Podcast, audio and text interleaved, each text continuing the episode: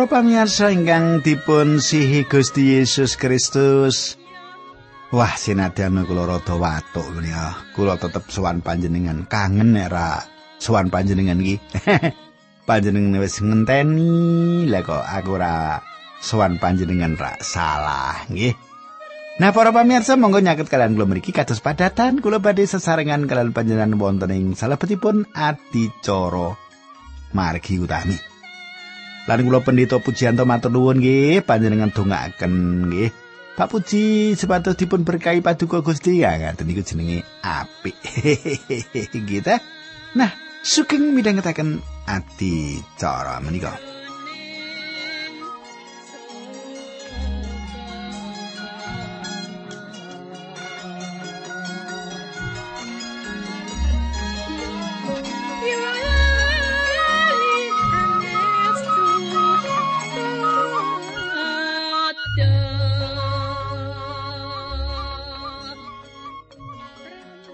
Para pamirsa kepengker kula sampun ngaturaken dumateng panjenengan. Pasinaon kita sampun dumugi Nehemia bab sekawan. Nggih kathah tantangan-tantangan ingkang kedah dipun adepi dening tiang Yahudi anggenipun bangun baluwarti gitu pambengan wong mungsu-mungsu kepengin ngendhekake pembangunan tembok menika ngaten nggih. Nah kados pundi kelajenganipun? Nggih dinten menika. Kita badhe nyubi nglajengaken Nanging saderengipun menika monggo kita tumungkul kita ndedonga langkung rumiyin. Duh Kanjeng Rama ingkang dampar wonten kraton ing kasuwargan kawula ngaturaken gunging panuwun.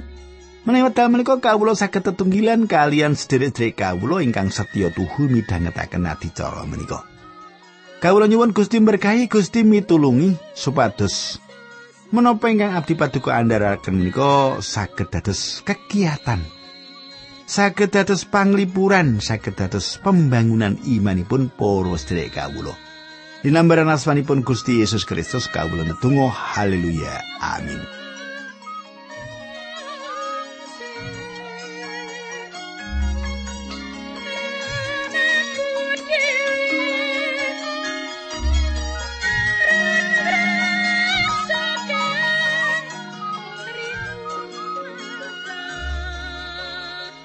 Para pamirsa, samenika kita lumebet kitab Nehemia bab gangsal. Kita mlebet Nehemia bab gangsal. Ing wekdal Nehemia njegur wonten proyek pembangunan malih tembok Yerusalem. Nehemia ngadepi maneka warni mengsah ingkang lumawan pembangunan malih tembok Yerusalem menika. Panci iblis menika sugih reka. Wiwitanipun mangsa-mangsa menika gegujeng tiang-tiang Yahudi menika. Arep bangun la la la la la gitu. Lajeng mangsa-mangsa menika memodo tiang tiang Yahudi ala bangun ngono wi lompat asu alasan lah ambruk. Terus tundonipun mangsa-mangsa menika lumawan kanthi blak-blakan nek pancen kowe terus titenono tak perangi kowe mangsa. Ingkang lumawan menika kiat sanget kanthi mekaten Nehemia mrentahaken sedaya tiyang ingkang bangun supados nyepeng prabot kangge bangun ing tangan setunggalan pedang ing tangan sanesipun dan terus nglajengaken bangun tembok kita. Nehemia lan rencang-rencangipun nyambut damel kali teman Samenika kita ningali. Tiang-tiang ingkang lumawan menika dumuginipun saking lebet. Nah, iki mungsuh saka jero. Inggih saking mriki ebis nyukani kebukan ingkang kiat sanget. Ing salebetipun sejarah gereja kita sampun ningali bilih ing wekdal iblis mboten saged ngrisak gereja lumantar panganiaya. Perkawis lajengipun ingkang dipun tindakaken iblis inggih menika gabung kalian gereja. Iblis sampun damel tiang Yahudi coklek manahipun. Semangatipun ical. Lan samenika iblis jumangkah setunggal jangkah malih lan nuwuhaken dredah ing salebetipun bangsa menika. Nah, saniki dipun wiwiti mawon nggih. Ayat setunggal kali tiga sekawan saking Nehemia bab kangsa. Nuli ana pangresulane rakyat kang banget dalah wongi wadon marang para seduluri wong Yahudi. Ana kang matur kalawan swara-swara anak kula jarlan istri kathah. Kula sami betah gandum supados kula sami saged ngedolan gesang. Lan ana maneh kang matur. Kula sami kepeksa. Ngantosaken pasiten so pakebunan anggur sarta griya kula supados saged sami angsal gandum ing mangsa paceklek menika. Ana uga kang matur. Kula sampun nyambut arta kangge bayar paos ingkang dipun tetepaken dening sang nata tumrap pasiten so pakebunan anggur kula para pamirsa. Sipat manungsa panci mboten nate ribah. Sinaosa jaman samenika kita gesanging tengahing abad elektronik, mekanik, teknologi lan abad ruang angkasa, perkawis-perkawis ingkang dipun adepi tetep sami kados jaman Nehemia. Awit anggenipun repot bangun tembok kita tiang-tiang Yahudi menika mboten gadah wawangan ngurusi urusan pribadinipun. Saperangan tiang Yahudi kedah nyadi bondo dunyanipun supados saged membayar pajak. Ewedal semanten pajak saestu inggil malah wonten ingkang kedah ngampil arto. Bayangaken menika panjenengan para pamiyasa. Cobi kita lajengaken ayat kang sangih. Wah. Senadan kula punika tunggil kulit daging kalian para sedherek sak bangsa lan anak-anak kula sami kalian anak-anakipun ewadene kula kepeksa kendel kemawon para Anak kula jar lan istri sami dados abdi, malah anak kula istri wonten sawetawis ingkang kapeksa dados darbeipun tiang. Kula sami mboten saged tumindak menapa-menapa amargi pasiten saha para kebunan anggur kula sampun dumawah ing tanganipun tiang sanes. Para pamirsa. Tambah dangu perkawisipun mboten sudo, malah tambah-tambah. Nanging ngantos sing wedal menika Nehemia dereng mangertos perkawis-perkawis menika. Tiang-tiang menika gadah pepinginan bangun tembok kita Yerusalem kanthi makaten bangsa Yahudi menika kanthi sesideman nglelang bondo darbeipun dumateng sederekipun. Wonten ing antawisipun tiang Yahudi ingkang nindakaken bisnis ngutang-ngutangaken arta. Menawi sedaya ingkang dipun tindakaken menika tasih alandesan katris nanan wonten patrep subosita kalian sesami. Mengsa-mengsa ingkang wonten jayi mboten badhe saged ngrisak golongan menika. Nanging ing lebet golongan wonten cecongkrahan. Perkawis menika ugi nyusup ing salebetipun gereja wiwitan. Ananias lan Sapira sampun mupakat ngapusi sederekipun lan dipun adili dening Gusti Allah kanthi pejah dadaan. Kamu pakatan kegayutan arto. Kula mboten mangertos kenging menapa arta dados coba ingkang ageng sanget. Nanging inggih kados mekaten menika kasunyatanipun inggih menika cara iblis nyusup ing salebetipun gereja. Inggih kahanan ingkang kados mekaten menika ingkang kedah dipun adepi Nehemia. Para pamiyasa, kitab suci maringi kita sawetawis pitutur ing salebetipun serat Filipi setunggal ayat 17 ngantos 18. Mung bae kelakuanmu kacundukno karo Injil Sang Kristus supaya menawa aku teko aku ndeleng. Dene menawa aku ora teko aku krungu yen kowe padha mantep atunggal roh lan saiyek padha tumindak sakatoke kanggo iman kang tuwuh saka Injil. Kalawan ora wedi babar pisan marang mungsuhmu iku mau kabeh tumrap ing mungsuh-mungsuhmu dadi ngalamating karusakan nanging tumrap kowe kabeh dadi ngalamating karahayon lan iku tekane saka Gusti Allah. Para pamirsa tembung kelakuanmu. Ing ayat menika ateges laku jantranipun gesang panjenengan. Paulus meratelaken ben keselarasan nguasani uripmu saka jero. Supaya kowe jujur ing bab tata laku ning uripmu aja menehi keterangan palsu utawa ngremehake wong liya kandak napa kang bener nalika kowe meratelake bab kang bener iku bakal ngasilake keselarasan Para pamirsa ing salebetipun Yakobus 3 ayat 16 dipun pratelaken sebab ing ngendi ana kameren sarta sifat mung mikir awake dhewe ing kono ana rerusuh sarta sarupane penggawe Allah inggih menika ingkang dumados ing gesangipun Ananias lan Sapira. Tiang kali menika ngapusi gereja lan tundhonipun dados jalaran kisro.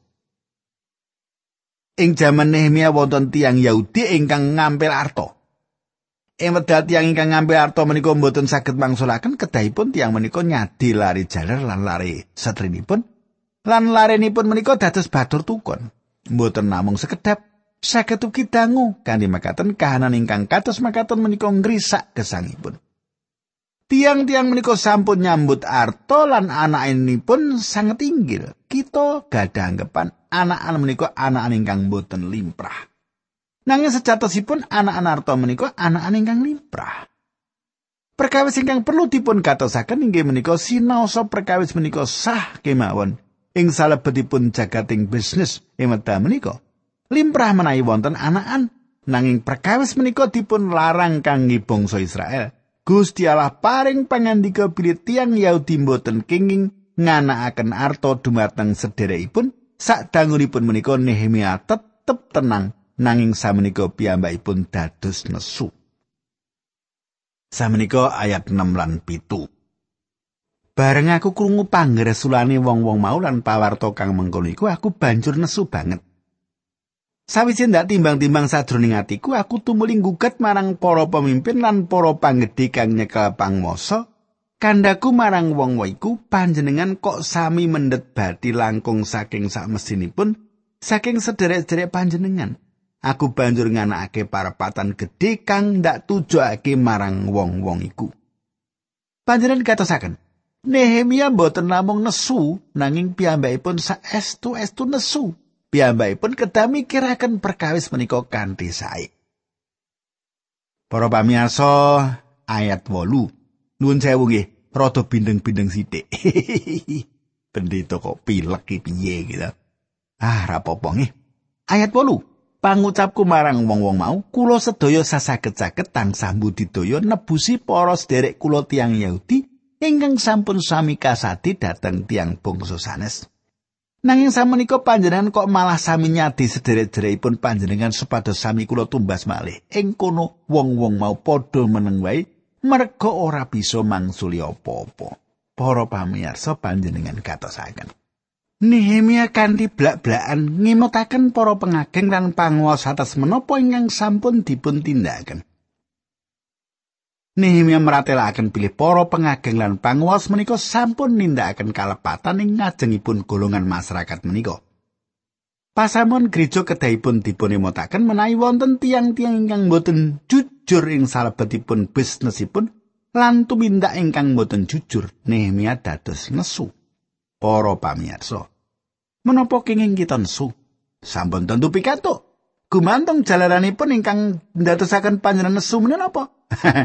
Menawi panjenengan nesu awet urusan panjenengan piyambak, panjenengan lepat.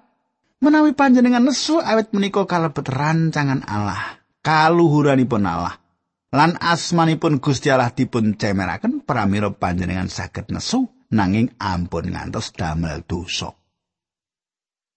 Nehemia mboten kendel kemawon gegayutan kalian dosa ingkang dipun mangertos. Piyambakipun mboten namung kendel, Nehemia lajeng ngelekaken kita kedahipun gadah patrap tegas ing wekdal kita ningali wonten ingkang lepat ing salebetipun gereja. Kita kedahipun boten ngejaraken tiang ingkang nindakaken kalepatan lan kita boten kenging nutup meripat kita dumateng dosa. Kita perlu gadah patrap ingkang kendel ing wekdal menika. Gereja boten malih gadah aran sae ing jagat menika. Jagat saestu ngremehaken gereja. Gerakan rohani ingkang wonten samenika saperangan ageng wonten ing saenjawinipun gereja para pamirsa. Golongan ingkang ngendhaleni ing salebetipun gereja sampun abing-abingah nanging tiang-tiang menika mboten mangsulaken tiang-tiang ingkang ical para pamirsa. Wonten tiang-tiang ing jagat menika ingkang gadah pepinginan sanget mangertos bab kayektosan. Tiang-tiang menika kepingin mangertos menapa kita jujur ing salebetipun menapa ingkang kita sanjangaken. Saperangan sederek wonten ing urusan ingkang lepat ing gereja lan kalepatan menika dipun singitaken. Kanthi alasan pilih tiang-tiang menika kepingin nyepengi satunggalipun patrap Kristiani kanthi patrap manis lan sae. Patrap ingkang kados makaten menika sanes patrap tiang Kristen. Patrap ingkang kados makaten menika patrap ingkang boten satriya. Nehemia langsung bikak dosanipun sederekipun menika langsung lan boten wonten setunggal tiang ingkang saged atur wangsulan. Tiang-tiang menika kedah tetep tenang ing wedal wonten ing mriku, nanging tiang-tiang menika nyobi damel kekisruan sesaged-saged. Tiang-tiang menika ugi mbudidaya supados Nehemia ngadepi kathah kangilane wedal piyambakipun wangsul dateng Susan. Sinaosa kados mangkaten. Piyambakipun bangun tembok kita Yerusalem lan piyambakipun ngladosi Gusti Allah ing jaman piyambakipun gesang. Ayat songo. Aku nyambungi meneh, perkawis ingkang sami panjenengan tindakaken punika mboten pantes. Panjenengan tak sami kewajiban tumindak kelayan adriasih dumateng Gusti Allah kita, supados sampun ngantos dados cacat dan tumrap bangsa-bangsa sanes mangsa kita. Para pamirsa, Sang Kristus dipun tilar samenika ing jagat. Menapa panjenenganipun dipun tilar awit laku jantranipun gereja, awit laku jantranipun tiang-tiang pitados, awit laku jantranipun panjenengan lan kula. Menika satunggalipun pitakiran ingkang perlu kita tangletaken dumateng badan piyambak. Nehemia ngendika deleng kowe kabeh dadi jalaran mungsu nyacat awit apa kang kok tindakake iki. Ayat sedoso kula lajengaken nggih. Ugi kula saha para sedherek kula lan andhan kula sami nyambutaken arta kanthi sarman punapa diri gandum dateng tiang-tiang menika sambutanipun menika prayogi kita lilakaken kemawon. Para pamirsa, menika satunggalipun pendadaran ingkang sayektosipun kangge Nehemia. Nehemia mboten ngginakaken kalengganipun supados pikantuk menapa-menapa ing salebetipun masyarakat kita. Tiang ingkang ragus, Mbujeng perkawis-perkawis singkang sepele. Ing salebetipun masyarakat kita tiang ingkang rakus mbujeng perkawis-perkawis ingkang sepele. Kata tiang langkung mentingaken arto tinimbang kalian Gusti Allah. Panjenengan saged nyarap arto sewu rupiah ing mripat panjenengan. Kanthi makaten panjenengan boten saged ningali sang surya. Kathah tiang ingkang ningali jagat kados makaten menika. Ayat 11. Sumangga ing dinten menika ugi panjenengan wangsulaken pasitenipun pakebonanipun anggur kalian pakebonanipun zaitun punapa dene griyanipun dhateng ingkang gadah ugi sambutanipun kaicalno inggih menika arta saha gandum anggur kalian lisaipun ingkang sampun panjenengan sambutaken dumateng piyambakipun. Nehemia nyuwun supados tiang-tiang Yahudi ingkang sugih mangsulaken Menapa ingkang sampun dipun klempakaken lan boten narik bayaran langkung kathah malih. Para pamirsa kita lajengaken ayat 12. Ing kono pangucape wong-wong mau inggih badhe kula wangsulaken sarta tiyangipun boten badhe kula tagih menapa-menapa. Menapa pangandika panjenengan menika badhe kula lampahi, aku banjur nekakake para imam sarta wong mau padha ndak kon ngucapake sumpah yen bakal nglakoni ing kasaguane iku. Para pamirsa panjenengan tingali sinaosa tiang-tiang menika umat kagunganipun Allah. Nanging Nehemia mangertos cara ingkang langkung saya tinimbang kalian janji kosong. Tiang-tiang menika kedah nyerat janjinipun ing dluwang. Nehemia menika tiang ingkang gadah watek kados pundi cara gambelipun. Ayat 13. Karo dene aku yo ngebutake lempetaning jubahku kelawan pangucap, kaya mengkene nggone Gusti Allah bakal nyipatake saben wong kang ora netepi ing kasaguan iku. Dikipatake saka ing omahe lan saka ing wong kang ngilani. Mengkono anggone kakipatake lan dadi kopong. Wong sapa kabeh temuli padha muni amin, banjur padha memuji marang Sang Hyang rakyat banjur padha netepi ing kasaguane mau. Kadang kula ingkang kula tresnani manut kula. Menawi perkawis ingkang sami kiyatipun kados ingkang dipun tindakaken Nehemia dipun lantaraken saking mimbar. Pesaman badhe sanjang amin. Dipun betahaken satunggal apel ingkang bosok supados saged ngrisak apel sak keranjang. Menawi wonten kucing mambet ing tengahipun kempalan kucing, pramila ambunipun kucing ingkang satunggal menika badhe wonten daya pengaruh kalian kucing-kucing sanesipun. Langkung saya niteni tiang ingkang asring datengaken kasisan, ngedalaken tiang awon saking kempalan, lan bucal kucing ingkang mambet saking kucing-kucing ingkang sae. Inggih kados makaten ingkang dipun tindakaken Nehemia. Nehemia sayekosipun meratelaken satunggalipun ipat-ipat dumateng tiang-tiang menika. Saestu satunggal gambaran ingkang saestu cetha, Nehemia ngebutaken jubahipun. Emut. Nehemia inggih menika dados pejabat pemerintahan tasih ngagem seragam. Piyambakipun ngebutaken jubahipun ingkang panjang ing ngajengipun tiang kathah lan sanjang kaya mengkene. Nggone Gusti Allah bakal ngipatake saben wong kang ora netepi ing kasaguan iku dikipatake saka ing omahe lan saka ing wong kang ngilani mengkono anggone kakipatake lan dadi kopong. Para pamirsa, inggih kados makaten cara nyetakaken dumateng tiang. Inggih menika kanthi patrap ingkang kados makaten menika. Dumateng pasamaning Galatia, Galatia gangsal 12, Paulus saged maratelaken Becike wong kang padha ngegirake kuwi iki padha ngebiri awake pisan wae. Paulus gedhe kekajengan tiang-tiang ingkang lumawan paugeran menika dipun singkiraken awet karisaan ingkang dipun tindakaken atas pesamaning Galatia. Menika satunggal tembung ingkang keras, lajengipun kita badhe mangertos sekedhik pribadi Nehemia. Ayat 18. Malah uga wiwit aku wini sudo dadi bupati ning tanah Yehuda, yaiku wiwit ing taun kang kaping 20 nganti tekaning taun kang kaping 30 loro ing paprentahane Sang Prabu Artasasta dadi rolas taun lawase, aku karo para sedulurku padha ora tau njupuk panduman kang dadi wewengane bupati. Para pamirsa, Nehemia gadah hak nampeni bayaran, nanging piyambakipun boten mendhet bayaran menika. Samenika ayat kang 11. Nanging para bupati sadurunge aku iku padha ngebot-boti sesanggane rakyat. Para bupati ku padha munduti kanggo roti lan anggur sadinane patang puluh sekel seloko, malah para andhane padha meres rakyat. Para bupati saderengipun para pamirsa inggih menika ngebot-boti sangganipun rakyat. Gegayutan kalian bayaranipun. Nanging Nehemia milih mboten nampi bayaran. Bayangaken menika para pamirsa. Ayat 16. Sarta maneh aku ya miwiti nglakoni pegawian bangun baluwarti iki. Senajan aku padha ora oleh pategalan lan saking ngandhanku padha ndak kerikake mrono mligi kagawe nandangi pegawian iku. Para pamirsa panjenengan katosaken Nehemia mboten bangun pembangunan real estate. Piyambakipun mboten mendhet kauntungan sinaosa namung sekedhik ora. Ayat pitulas. Wong Yahudi lan para pangedhe kae wong 150 kang tembul manganing mejaku iku kejaba wong kang padha negani aku saka ing antarané bangsa-bangsa kang ana ing sakiwa tengenku. Panjenengan katasaken Nehemia kanthi teratur nyugata 50 tamu. Piyambakipun ugi nglipur tiang-tiang Yahudi ingkang dumugi ing kita menika lan manggen ing kita menika nanging tiang-tiang menika dereng angsal pangginan.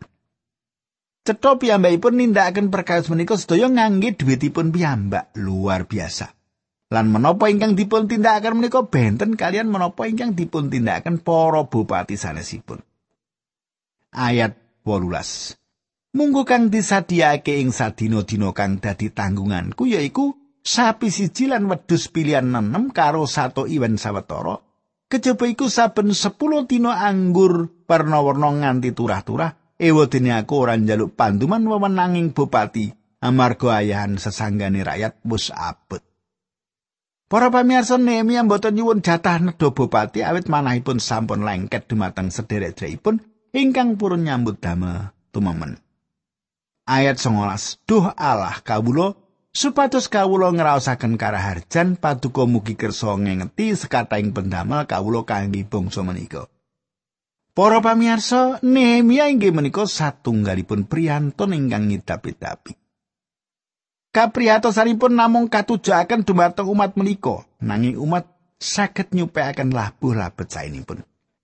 Nanging Nehemia nyuwun Gusti Allah supados tansah ngemuti menapa ingkang dipun tindakaken. Kados menapa indahipun mangertos bilih sawetawis Gusti Allah nyupekaken dosa-dosa kita, piyambakipun badhe tansah imut sedaya menapa patrap sae kita lan Gusti Allah malah nyerat sedaya ingkang tumindak sae kita wonten ing salebetipun kitab. Para pamirsa monggo kita ndedonga. Duh kanya Rama ing swarga, kawula ngaturaken gunging panuwun menawi wekdal menika kawula saged mirengaken dawuh pangandikanipun Gusti lan sinau kados pundi jejeg mantepipun Nehemia. Duh pangeran, kawula nyuwun supados watek jejeg mantep wonten ing asma paduka menika kaparing dumateng kawula. Dinambaran asmanipun Gusti Yesus Kristus kawula netunggal. Haleluya. Amin.